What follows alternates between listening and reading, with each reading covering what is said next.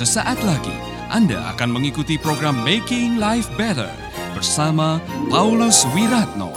Selama 15 menit ke depan, Anda akan belajar membuat kehidupan lebih baik.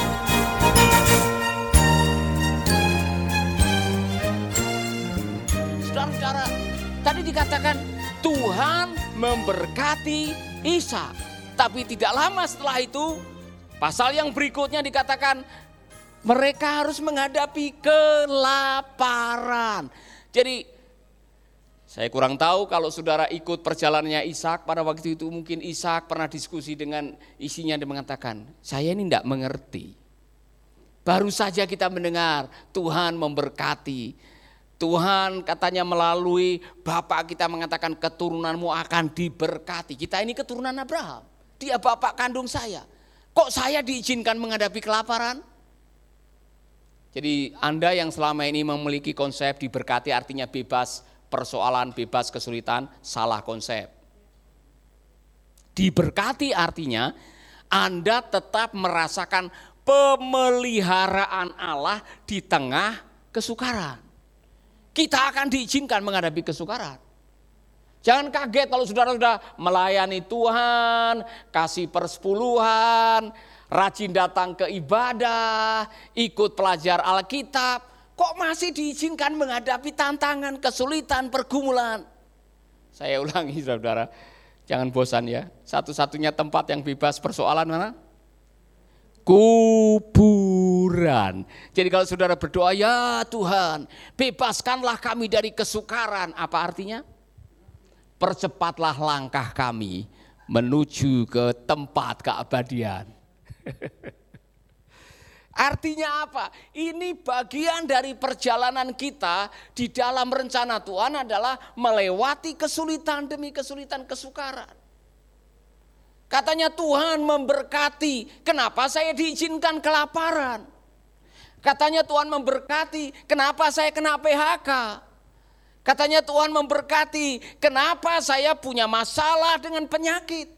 Katanya Tuhan memberkati. Kenapa saya dikhianati? Katanya Tuhan memberkati. Kenapa saya dizolimi? Saya mengulangi lagi kalimat ini. Kesulitan, tantangan, permusuhan tidak menyatakan bahwa Allah meninggalkan Anda. Karena dalam kesulitan pun, dalam kelaparan atau pergumulan yang dihadapi oleh Ishak dinyatakan Allah menyertai. Bahkan Allah datang kepada Ishak dan mengatakan jangan pergi ke Mesir, dikasih petunjuk, tinggal di sini. Haleluya. Saudara-saudara ternyata memang kalau kita mau jujur, kesulitan itu memberikan banyak hal dalam hidup kita. Makanya Tuhan mengizinkan Ishak masuk dalam pembentukan. Selama 20 tahun ini, Ishak melakukan eh, hal-hal uh, yang mungkin setelah dia merenung, dia akan mengatakan terima kasih untuk kesulitan kemarin. Terima kasih untuk kelaparan kemarin. Terima kasih untuk tantangan kemarin. Karena apa? Seperti yang dikatakan oleh Yakobus, anggaplah sebagai kebahagiaan kalau kamu diizinkan menghadapi berbagai-bagai macam cobaan atau trial atau ujian atau kesulitan. Karena kalau kita tabah, di situlah karakter kita diubah, mental kita dikuatkan, iman kita dibangunkan. Saudara-saudara jadi pada akhirnya gunakan kacamata yang benar untuk melihat kesulitan saudara.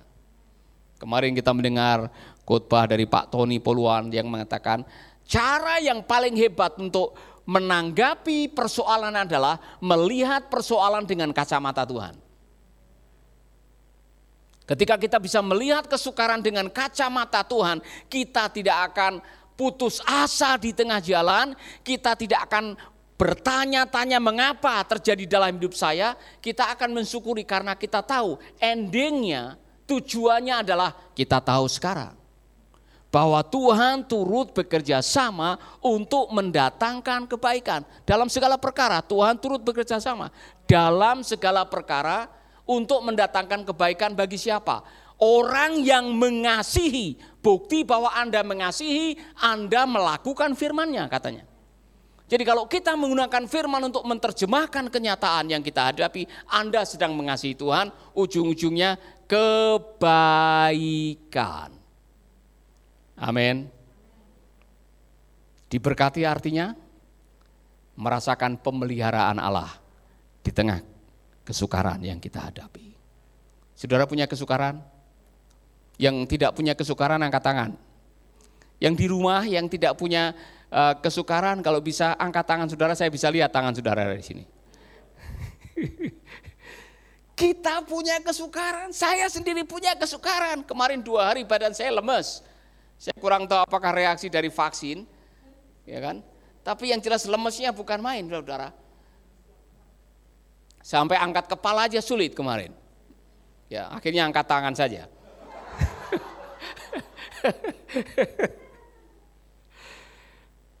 yang ketiga, apa arti diberkati? Dilindungi dari ancaman. Kejadian 26 ayat 9 sampai 11. Ini menarik sekali saudara. Perjalanan hidup Ishak tidak jauh beda dari bapaknya. Maka dipanggilnya Ishak dan ia berkata, bukankah wanita itu istrimu? Mengapa engkau mengatakan bahwa dia adikmu? Jadi kembali Ishak mengungsi di wilayahnya uh, raja ini yang juga dulu pernah berhadapan dengan bapaknya karena sempat mengambil Sarah. Dan ini terjadi Abimelek mengingatkan pada akhirnya.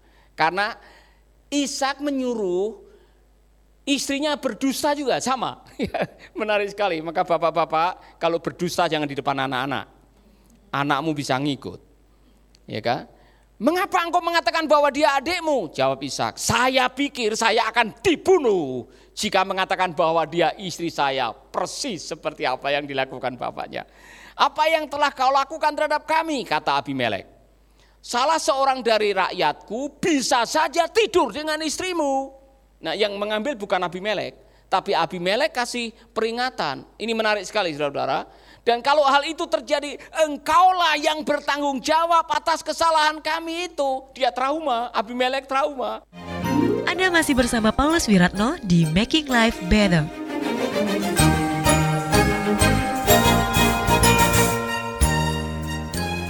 Kemudian Abimelek memperingatkan seluruh rakyatnya demikian. Yang mengambil alih akhirnya Abimelek. Karena Abimelek tahu dia hampir saja mati dengan seluruh kepunyaannya. Gara-gara mengambil Sarai. Dengar kalimatnya. Tuhan pakai raja ini untuk mengucapkan kalimat perlindungan. Barang siapa mengganggu orang ini atau istrinya akan dihukum mati. Luar biasa kan? Allah bisa melindungi Ishak dan istrinya dengan menggunakan penguasa yang sudah dijamah oleh Tuhan hatinya. Amin. Saudara-saudara, Anda akan berhadapan dengan ancaman.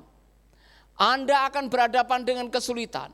Anda akan berhadapan dengan masalah. Anda akan berhadapan dengan apa pun juga yang disebut dengan trial, pencobaan apa pun juga namanya. Tapi ingat, bahwa Allah akan melindungi Anda. Ini jaminan. Diberkati artinya apa? Dilindungi dari ancaman. Semua bilang dilindungi dari ancaman. Ada yang sedang terancam?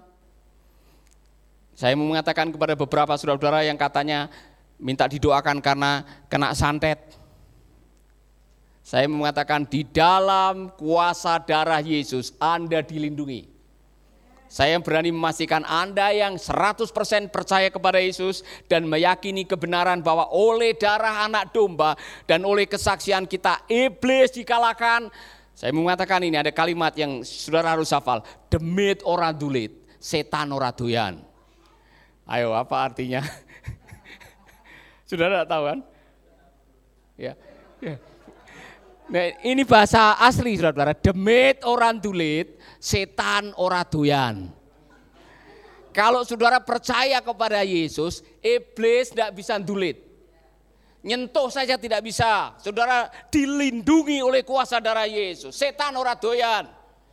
Setan tidak bakalan suka dengan saudara, tidak bisa. Anda dilindungi oleh kuasa darah Yesus. Nah saudara-saudara, itulah sebabnya saya yakin, saya ingat persis pada waktu punya pengalaman nolong orang kena santet. Saya mengalami perlindungan Tuhan, tapi tidak berarti tidak ada santet. Masih tetap ada yang menyantet, tetapi kita dilindungi oleh Tuhan. Ini, jadi saya pernah cerita, diminta oleh Pak Purwono untuk mendoakan adiknya namanya Supiati yang muntah darah segar dan setiap muntah darah segar itu ada suara meledak di atas atapnya. Duar, kemudian adiknya muntah darah dan keserupaan. Sampai akhirnya dibawa ke rumah sakit 9 hari, 11 hari.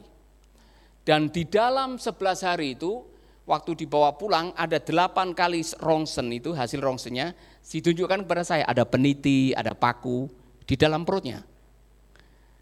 Tetapi tidak bisa dikeluarkan. Terakhir berusaha untuk cari dukun.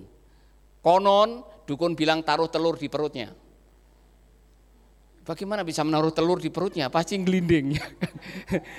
Pendek kata tidak bisa sembuh. Jadi saya ini baru tamat dari sekolah Alkitab, mengembalakan sidang di GSI Ambanyumane, mendoakan orang kena santet yang saya belum pernah punya pengalaman. Jadi hari Rabu jam 7 saya datang di rumah uh, Ibu Supiati ini yang sedang dalam keadaan lemes dan saya datang, saya jujur kalau mau didoakan pendeta ikuti saran pendeta. Semua siap, satu keluarga siap. Saudara-saudara, orang kalau sudah desperate, orang sudah kepepet, mau suruh apa saja mau. Ya kan? Ikuti doa saya, ikut doa. Semua ikut doa. Jadi saya memimpin doa dan Ibu Supiati saya bilang tirukan, tirukan. Bapak dalam surga, Bapak dalam surga. Setelah sampai di kalimat dalam nama Yesus, dia tidak mau. Keluarganya yang lain bilang dalam nama Yesus, dia sendiri yang tidak mau. Bilang dalam nama Yesus tidak mau. Kemudian dia jatuh kesurupan. Dia berguling-guling ke kanan, ke kiri, saudara-saudara. Kemudian suaranya berubah jadi laki-laki. Gereng-gereng, yang tahu gereng-gereng, merang Istri saya pegang tangan saya rat-rat, saudara-saudara kita tidak punya pengalaman, ya kan? Saudara pikir saya takut? Saya takut waktu itu. saya menguatkan suara saya dalam nama Yesus, dalam nama Yesus. Masih tetap gereng-gereng, saudara-saudara. Ya kan? Saya pakai cara macam-macam pencet jempol kakinya, masih belum berubah, saudara-saudara. Dalam nama Yesus. Akhirnya saya bilang, wah kok enggak, enggak ada perubahan. Ini yang saya lakukan. Saya duduk, dalam pikiran saya, saya berpikir, masa Tuhan suruh kita datang ke sini mau dicabik-cabik kuasa kegelapan? Saya ingat oleh kuasa darah anak domba, anak domba dan oleh kesaksian kita, iblis dikalahkan. Saya nyanyi sendiri, menguatkan iman saya sendiri. Haleluya, haleluya. Makin keras supaya lebih kuat. Haleluya. Eh ibu itu tiba-tiba sadar. Dia duduk. Dan mohon maaf dia pegang di sini. Pak duduk pak, pak, pak sakit di sini pak, sakit pak di sini pak. Saya bilang dalam nama Yesus. Aduh pak pindah di sini pak. Dalam nama Yesus. Ah, turun di sini pak, dalam nama Yesus. Akhirnya dia minta ke kamar kecil di antara istri. Keluar peniti. Keluar paku. Saudara-saudara ini pelajaran yang luar biasa. Malam hari saya pulang, Mungkin jam 11, jam 12 saya mau tidur, Debbie masih kecil waktu itu. Tiba-tiba ada suara keras di atap rumah yang saya dengar. Seperti mercon, duar. Saya bilang, siapa lempar mangkok bakso ini ya. Saya pikir ada yang lempar mangkok bakso. Pagi saya cek, saya naik ke atas, tidak ada apa-apa. Wah ini mereka mau mengerjain saya, tapi saya menang, saya merasa kekuatan. Eh tidak lama setelah suara itu muncul, ada Debbie punya mainan trompet. Trompet tuh taruh di atas almari, bunyi sendiri. Saya bilang ini mau membalas. Tapi saya sudah memegang janji tadi. Bahwa oleh kuasa darah anak domba dan oleh kesaksian kita, iblis dikalahkan. Saudara sekarang bisa pergi ke desa Jangli, Semarang, ada GSCA di sana. Lahir dari pengalaman ini. Luar biasa. Amin. Diberkati artinya dilindungi oleh Tuhan di tengah ancaman. Jadi saudara-saudara yang selama ini terintimidasi oleh kuasa gelap, guna-guna, santet, apa pun namanya, percaya Yesus. Amin. Percaya Yesus karena Yesus mengatakan aku menyertai kamu sampai kesudahan zaman. Dan iblis sudah dikalahkan. Orang yang percaya Yesus, dengar baik-baik, Anda mendapatkan perlindungan 100%.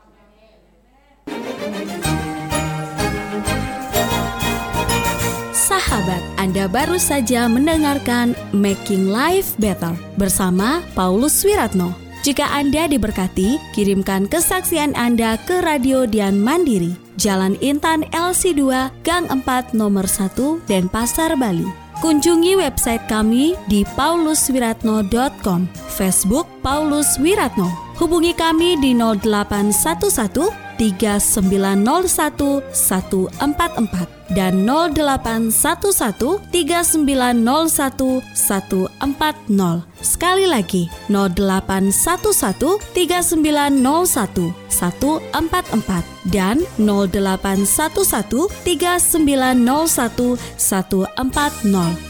Anda juga bisa mendengarkan program Making Life Better ini melalui handphone Anda. Download aplikasinya di Play Store atau App Store.